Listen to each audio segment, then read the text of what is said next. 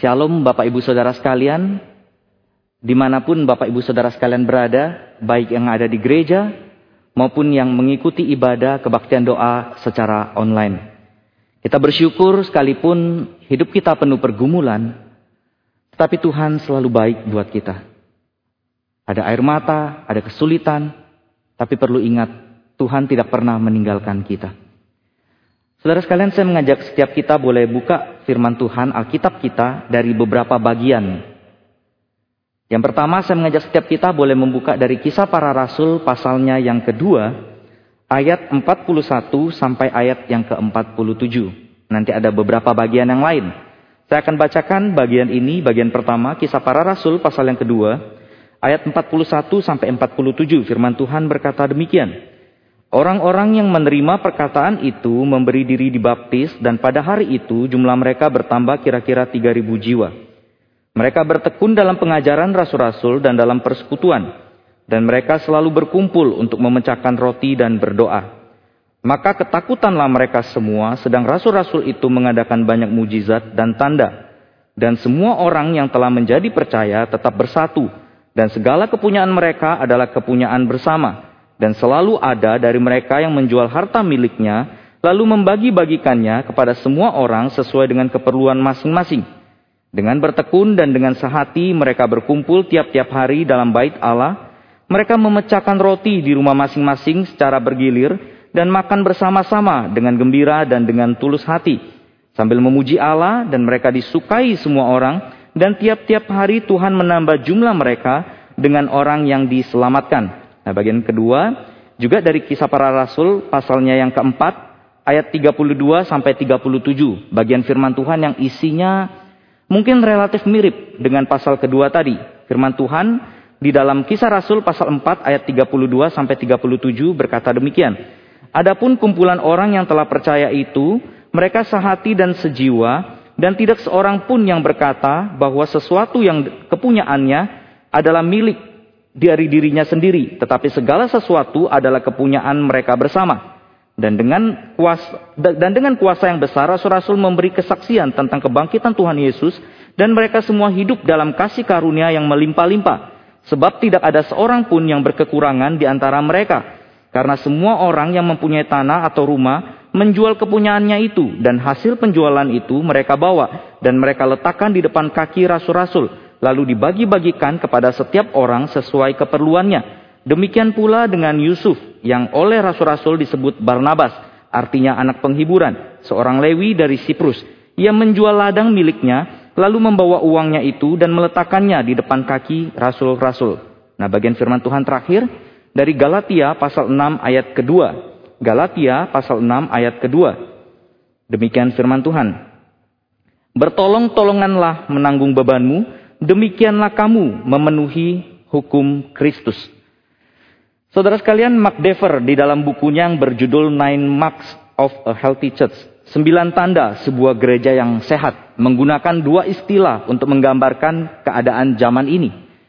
Kedua istilah tersebut adalah komitmen fobia dan lone rangerism. Apa maksudnya? Komitmen fobia adalah ketakutan dalam melakukan sesuatu yang baik dan akan kehilangan sesuatu yang lebih baik.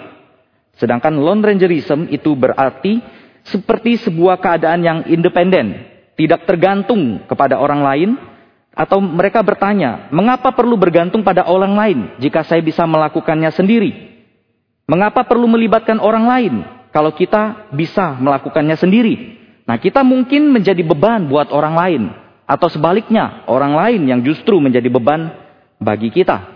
Nah, bagi McDever, is, kedua istilah ini menjadi satu dari sembilan tanda gereja yang tidak sehat. Nah, Mark menemukan bahwa di dalam konteks gereja sebagai sebuah persekutuan yang saling menopang, sering kali yang terjadi adalah orang-orang yang ada di dalamnya, mereka tidak ingin terlibat terlalu jauh atau masuk ke dalam sebuah komitmen yang lebih serius. Karena orang-orang ini menganggap bahwa kedekatan-kedekatan tertentu mungkin akan menimbulkan hati yang terluka. Mungkin akan ada hati yang dikecewakan. Mungkin ada hati yang tersinggung. Atau mungkin bahkan relasi yang awalnya baik bisa berbalik menjadi relasi yang tidak baik. Atau orang-orang tersebut takut hanya mendapatkan sesuatu yang baik, sementara mereka akan kehilangan sesuatu yang jauh lebih baik daripada itu. Nah, orang-orang ini tidak ingin merepotkan, dan orang-orang ini juga tidak ingin direpotkan.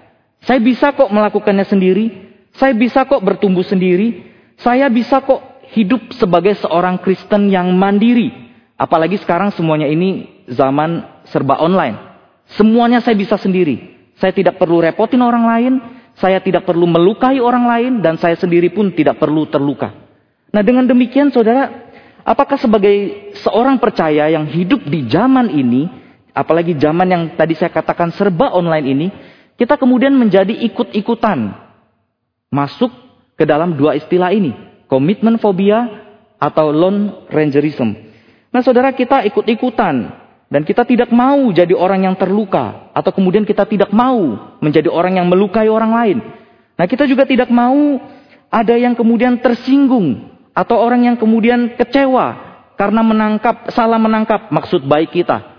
Nah dengan dali kita bisa menjadi orang Kristen yang otonom, mandiri, hidup tanpa perlu bantuan orang lain atau tanpa orang lain kita bantu.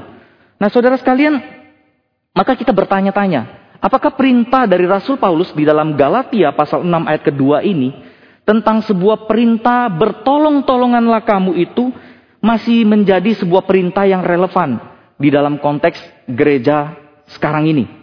Yang semuanya serba online, terus semua manusia, semua orang, jemaat merasa saya bisa kok melakukan segala sesuatunya dengan kemampuan saya tanpa bergantung kepada orang lain. Nah, saudara sekalian, jelas komitmen fobia, lone rangerism itu bertolak belakang dengan apa yang firman Tuhan ajarkan kepada kita. Nah, bukan saja bertolak belakang dengan apa yang tadi saya bacakan di dalam kisah Rasul 2 atau 4, tetapi juga bertolak belakang dengan panggilan kita sebagai orang percaya, sebagai gereja. Jadi saudara sekalipun kita tahu gereja bukan berbicara tentang gedung, tentang organisasi, tentang pribadi atau saya, tetapi gereja itu juga berbicara tentang persekutuan yang terjadi di antara orang yang ada di dalamnya. Sekali lagi saudara, gereja bukan sosial club. Gereja adalah persekutuan di antara orang percaya yang ada di dalamnya. Nah saudara, dan yang terjadi di dalam persekutuan orang percaya, itu seharusnya bukan saja seperti yang dicontohkan di, oleh jemaat mula-mula di dalam kisah Rasul 2 maupun kisah Rasul pasal 4. Tetapi sesuai dengan perintah Tuhan dan panggilan kepada setiap kita. Panggilan sebagai gereja. Di mana gereja haruslah menjadi sebuah persekutuan yang isinya adalah orang-orang yang saling menopang satu dengan yang lainnya. Saudara, sebuah gereja adalah sebuah persekutuan yang saling menopang satu dengan yang lainnya, seperti yang ada di dalam gambar segitiga ini. Di mana para hamba Tuhan, kemudian di sana ada saya sebagai seorang Kristen secara individu, tetapi di sana juga ada orang percaya lainnya, orang Kristen lainnya. Nah, di dalamnya ada majelis, ada pengurus, ada aktivis, dan lain sebagainya. Jadi saudara sekalian, Christian life atau kehidupan Kristen, kehidupan orang percaya, atau kehidupan bergereja, itu bukan berbicara semata-mata tentang saya saja, satu orang saja, tidak. Tetapi kehidupan Kristen, kehidupan orang percaya, kehidupan bergereja, itu berbicara kehidupan semua orang yang ada di dalam gereja. Artinya setiap orang yang di dalam gereja itu punya bagiannya, setiap orang di dalam gereja itu harus terlibat. Jadi tidak ada yang hanya berdiam diri saja. Panggilan sebagai bergereja adalah sebuah panggilan di mana setiap orang percaya yang ada di dalamnya itu harus terlibat dan tidak ada yang hanya tinggal diam saja. Nah, lantas pertanyaannya, apa yang harus terjadi di dalam gereja yang adalah persekutuan yang saling menopang itu? Apa yang menjadi tugas dari setiap saya yang menjadi bagian dari gereja yang adalah persekutuan yang saling menopang itu. Nah saudara sekalian, saya akan menyampaikan beberapa hal yang tertulis di dalam kisah para rasul pasal 2 dan pasal 4 tadi. Dan beberapa hal yang tidak tertulis, tapi saya yakin setiap saudara boleh aminkan apa yang saya sampaikan melalui kisah Rasul 2 dan pasal 4 itu. Dan itu juga yang nanti akan menjadi bagian dari setiap kita yang adalah orang percaya, orang Kristen.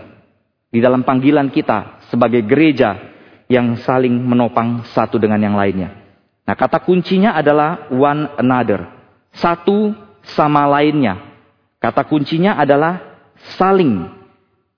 Satu sama lainnya dan saling. Saudara, gereja sebagai sebuah persekutuan yang saling menopang adalah gereja di mana tempat para anggotanya itu saling mengasihi satu dengan lainnya. Gereja adalah sebuah tempat di mana setiap anggotanya saling mempedulikan satu dengan yang lainnya, baik secara jasmani maupun secara rohani. Gereja adalah tempat di mana setiap anggotanya saling menjaga satu sama lainnya. Gereja adalah tempat di mana setiap anggotanya saling dapat memberi pertanggungan jawab satu sama lainnya. Gereja adalah tempat di mana setiap anggotanya itu bekerja untuk saling meneguhkan. Gereja adalah tempat di mana setiap orang yang ada di dalamnya itu tidak saling menuntut. Gereja adalah tempat di mana para anggotanya itu saling mendoakan satu dengan yang lainnya. Gereja adalah tempat di mana para anggotanya itu saling menjauhkan diri dari orang-orang yang berusaha sedemikian rupa menghancurkan gereja. Gereja menolak menilai setiap orang anggotanya itu dengan standar duniawi. Gereja adalah tempat di mana setiap orang yang ada di dalamnya itu berjuang sedemikian rupa demi kemajuan Injil. Gereja adalah tempat di mana setiap anggotanya itu menjadi contoh satu dengan yang lainnya.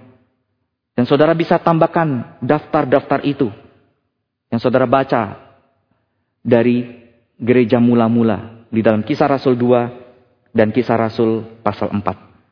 Saudara sekalian, kalau setiap kita gereja menyadari tugas dan panggilan yang seperti dicontohkan, diteladankan oleh jemaat mula-mula ini, maka gereja tidak akan berisi orang-orang yang egois, yang hanya memikirkan dirinya sendiri atau kelompoknya sendiri. Gereja tidak akan menjadi tempat bergosip, ngomongin orang lain, mengumbar kesalahan, ngomongin kelemahan orang lain. Gereja tidak akan menjadi tempat bersaing untuk mendapatkan sesuatu atau pengakuan. Gereja tidak akan menjadi sebuah tempat pengadilan yang menghancurkan mental seseorang. Gereja juga tidak akan terpecah oleh ulah segelintir orang yang punya agendanya sendiri. Tetapi saudara, gereja akan menjadi tempat yang sangat indah. Gereja akan menjadi tempat di mana Injil diberitakan. Anggota-anggotanya saling mendoakan. Anggota-anggotanya saling berbagi dan melakukan perbuatan baik. Saling membantu satu dengan yang lainnya. Yang kuat menanggung yang lemah. Yang berlebih menanggung yang berkekurangan. Gereja akan menjadi tempat di mana jiwa yang hancur dipulihkan. Gereja akan berisi anggota-anggota yang saling rendah hati, menganggap yang lain lebih utama daripada dirinya sendiri. Gereja akan menjadi tempat di mana orang-orangnya itu mengedepankan kepentingan orang lain daripada kepentingan dirinya sendiri. Demi kemajuan saudara seimannya, demi kemajuan Injil. Dan gereja akan berisikan anggota-anggota yang semakin hari semakin serupa dengan Yesus Kristus.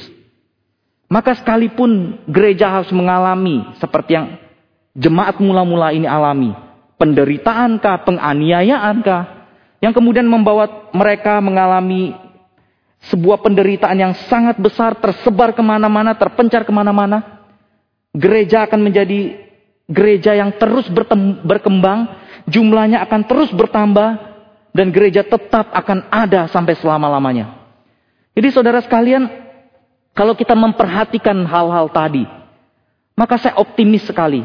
Apa yang ada di dalam kisah Rasul pasal 2, kisah Rasul pasal 4, itu bisa apply dengan kehidupan gereja di zaman ini. Bahkan sepanjang sejarah. Saudara, gereja mula-mula bukan sebuah gereja yang too good to be true. Atau cuma ada di dalam mimpi atau masa lalu saja.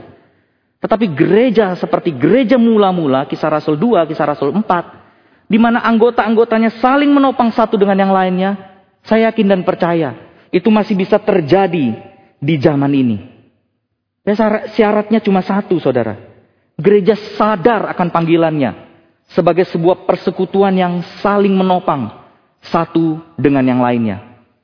Jadi saudara sekalian, gereja di dalam kisah Rasul 2, kisah Rasul pasal 4, bukanlah gereja yang hanya terjadi di masa yang lalu saja.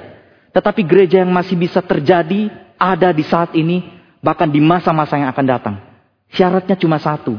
Gereja menyadari panggilannya. Setiap kita yang adalah gereja itu, menyadari panggilannya. Bahwa kita dipanggil sebagai sebuah persekutuan yang saling menopang satu dengan yang lainnya.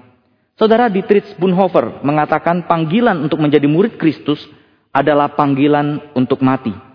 Tetapi Bonhoeffer juga mengatakan orang Kristen juga dipanggil untuk hidup. Bukan saja hidup bagi Allah, tetapi hidup bersama, life together.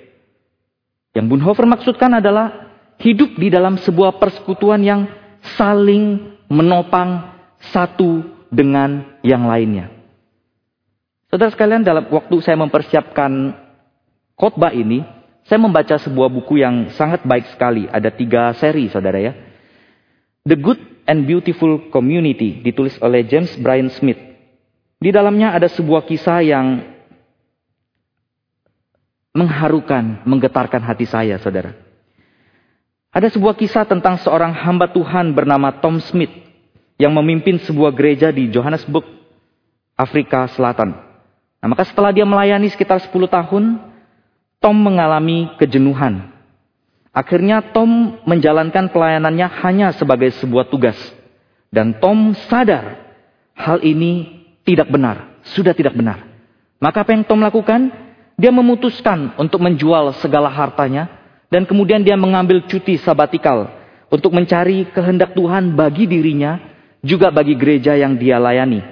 Dan kita bersyukur Tuhan sangat baik.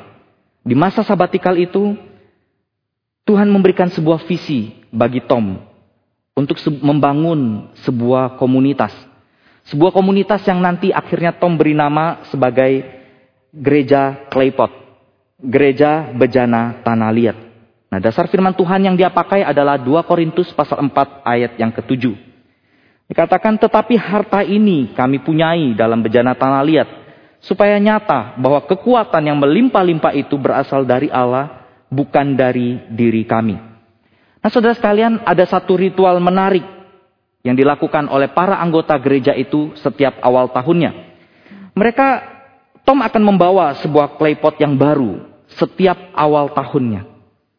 Kemudian klepot itu akan dipecahkan di hadapan jemaat Tuhan. Setelah memecahkan klepot itu, Pecahan-pecahannya dibagikan kepada setiap anggota. Lalu setiap anggota membawa pecahan itu pulang dan mereka menulis doa mereka bagi gereja mereka di dalam pecahan-pecahan itu. Minggu berikutnya semua pecahan itu dikumpulkan dan kemudian direkatkan kembali sehingga menjadi sebuah klepot yang tidak pecah. Tapi masih ada bekas pecahannya, pecahan-pecahannya. Sekali-sekali kita boleh coba di gereja kita, saudara ya. Saudara, Tom menjadikan bejana tanah liat sebagai sebuah simbol di mana kerapuhan dari setiap orang yang ada di dalam komunitas tersebut. Tetapi dia dalam kerapuhan itu, setiap komunitas itu bersatu. Direkatkan. Menopang satu dengan yang lainnya. Sehingga menjadi sebuah bejana tanah liat seperti baru, tetapi ada retakan-retakan di dalamnya. Nah, Tom menyadari bahwa gereja adalah kudus, tetapi di saat yang sama gereja terdiri dari orang-orang yang rapuh. Di satu sisi, gereja, setiap anggota gereja adalah kudus. Tetapi di sisi lain, setiap anggota gereja adalah orang-orang yang rapuh. Mungkin bisa salah, mungkin bisa berdosa. Tetapi itulah kenyataannya. Setiap anggota gereja adalah kudus. Tetapi di sisi yang lain, pada saat yang bersamaan, setiap anggota gereja adalah terdiri dari orang-orang yang rapuh. Maka apa yang perlu dilakukan? Mereka perlu bersatu. Mereka perlu direkatkan kembali. Dan kasih Kristuslah yang menyelamatkan mereka, yang merekatkan mereka, menjadikan mereka seperti sebuah bejana yang baru, walaupun masih ada retak-retaknya. Saudara sekalian, Tom dan teman-temannya tidak hanya sekedar ingin membangun sebuah gereja yang besar, sebuah gereja yang jemaatnya banyak, sebuah gereja yang acaranya banyak, tetapi Tom dan anggota-anggota gerejanya ingin menjadi gereja itu sendiri Baik bagi diri mereka, baik juga bagi anggota-anggota yang lain.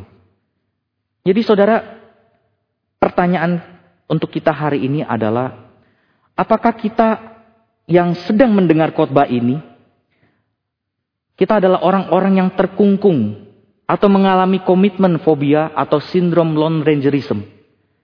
Saya bisa kok sendiri, saya tidak perlu orang lain, saya bisa jadi orang Kristen yang otonom. Saya bisa jadi orang Kristen yang bertumbuh secara mandiri. Saya bisa kok melayani Tuhan secara mandiri sendiri. Saya tidak perlu orang lain. Saya tidak mau terluka, saya tidak mau dikecewakan. Saya tidak mau tersinggung. Saya tidak mau terlibat lebih banyak di dalam gereja. Di dalam persekutuan yang katanya saling menopang itu. Atau mungkin setelah mendengar khotbah ini, Kemudian kita berpikir, betul, saya orang Kristen yang Tuhan tempatkan di gereja ini, di satu sisi saya kudus, tapi di sisi lain saya rapuh. Dan saya perlu persekutuan yang saling menopang itu.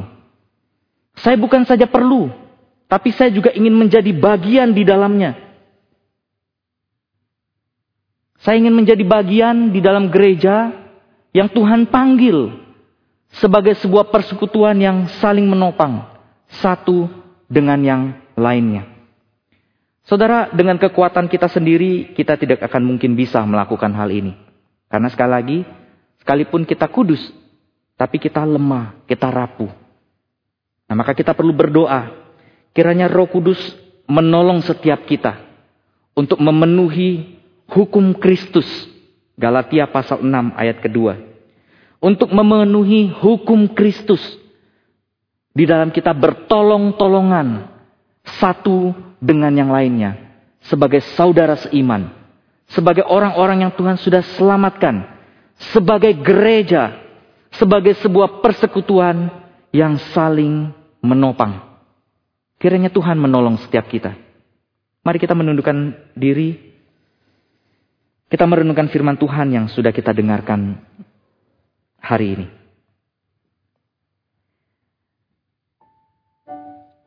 Saudara, apa yang ada di pikiran saudara sampai hari ini tentang gereja?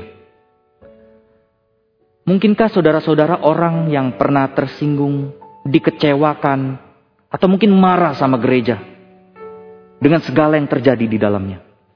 Sehingga saudara mengambil keputusan, sudahlah, saya tidak mau ke gereja lagi, saya tidak peduli sama gereja, saya bisa hidup sebagai orang Kristen mandiri tanpa orang lain.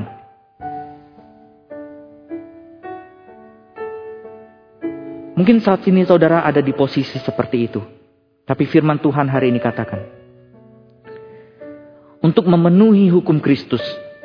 Kita perlu bertolong-tolongan satu dengan yang lainnya. Dan itu hanya bisa terjadi di dalam gereja di dalam persekutuan bersama-sama dengan orang percaya lainnya. Saudara, kalau kita hidup sebagai orang Kristen sendirian,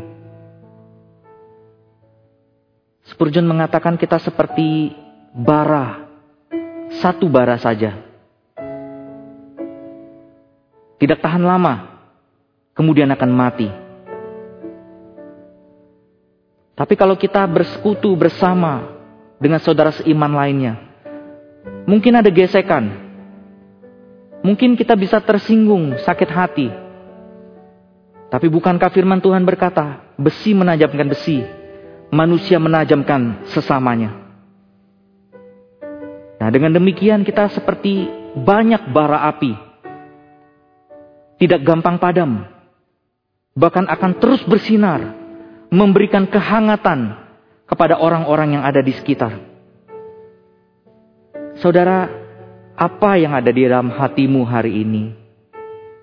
Bagaimana kau melihat gereja hari ini? Kau yang terluka, kau yang kecewa, kau yang pahit mungkin. Pulanglah, pulanglah. Kembalilah kepada panggilanmu sebagai gereja. Kembalilah kepada panggilanmu sebagai sebuah persekutuan yang saling menopang satu dengan yang lainnya. Karena hanya dengan demikian hati Tuhan disenangkan. Tuhan kau tolong setiap kami dalam pergumulan kami. Dalam mungkin dalam hati kami yang hancur. Dikecewakan, disakiti, marah. Mungkin kepada gereja Tuhan. Kau tolong setiap kami Tuhan. Menjadi orang Kristen mandiri, satu orang saja. Itu bukan panggilan kami Tuhan. Firmanmu katakan, kami perlu bersama-sama, bersekutu, menopang satu dengan yang lainnya. Kami mau kembali kepada firmanmu Tuhan. Kami mau kembali kepada Engkau sendiri ya Tuhan. Karena itu Tuhan, pulihkan kami. Tolong kami. Mampukan kami. Bukan saja kami berkata kami mencintai Tuhan, tapi kami mau mencintai gereja kami dengan segala yang ada di dalamnya. Kami kudus, tapi kami rapuh. Tuhan, tolong kami. Tuhan, tolong kami. Demi Kristus Yesus, kami berdoa, kami memohon. Amin. Saudara silakan mengambil waktu teduh. Kebaktian doa selesai sampai di sini. Tuhan memberkati kita semua.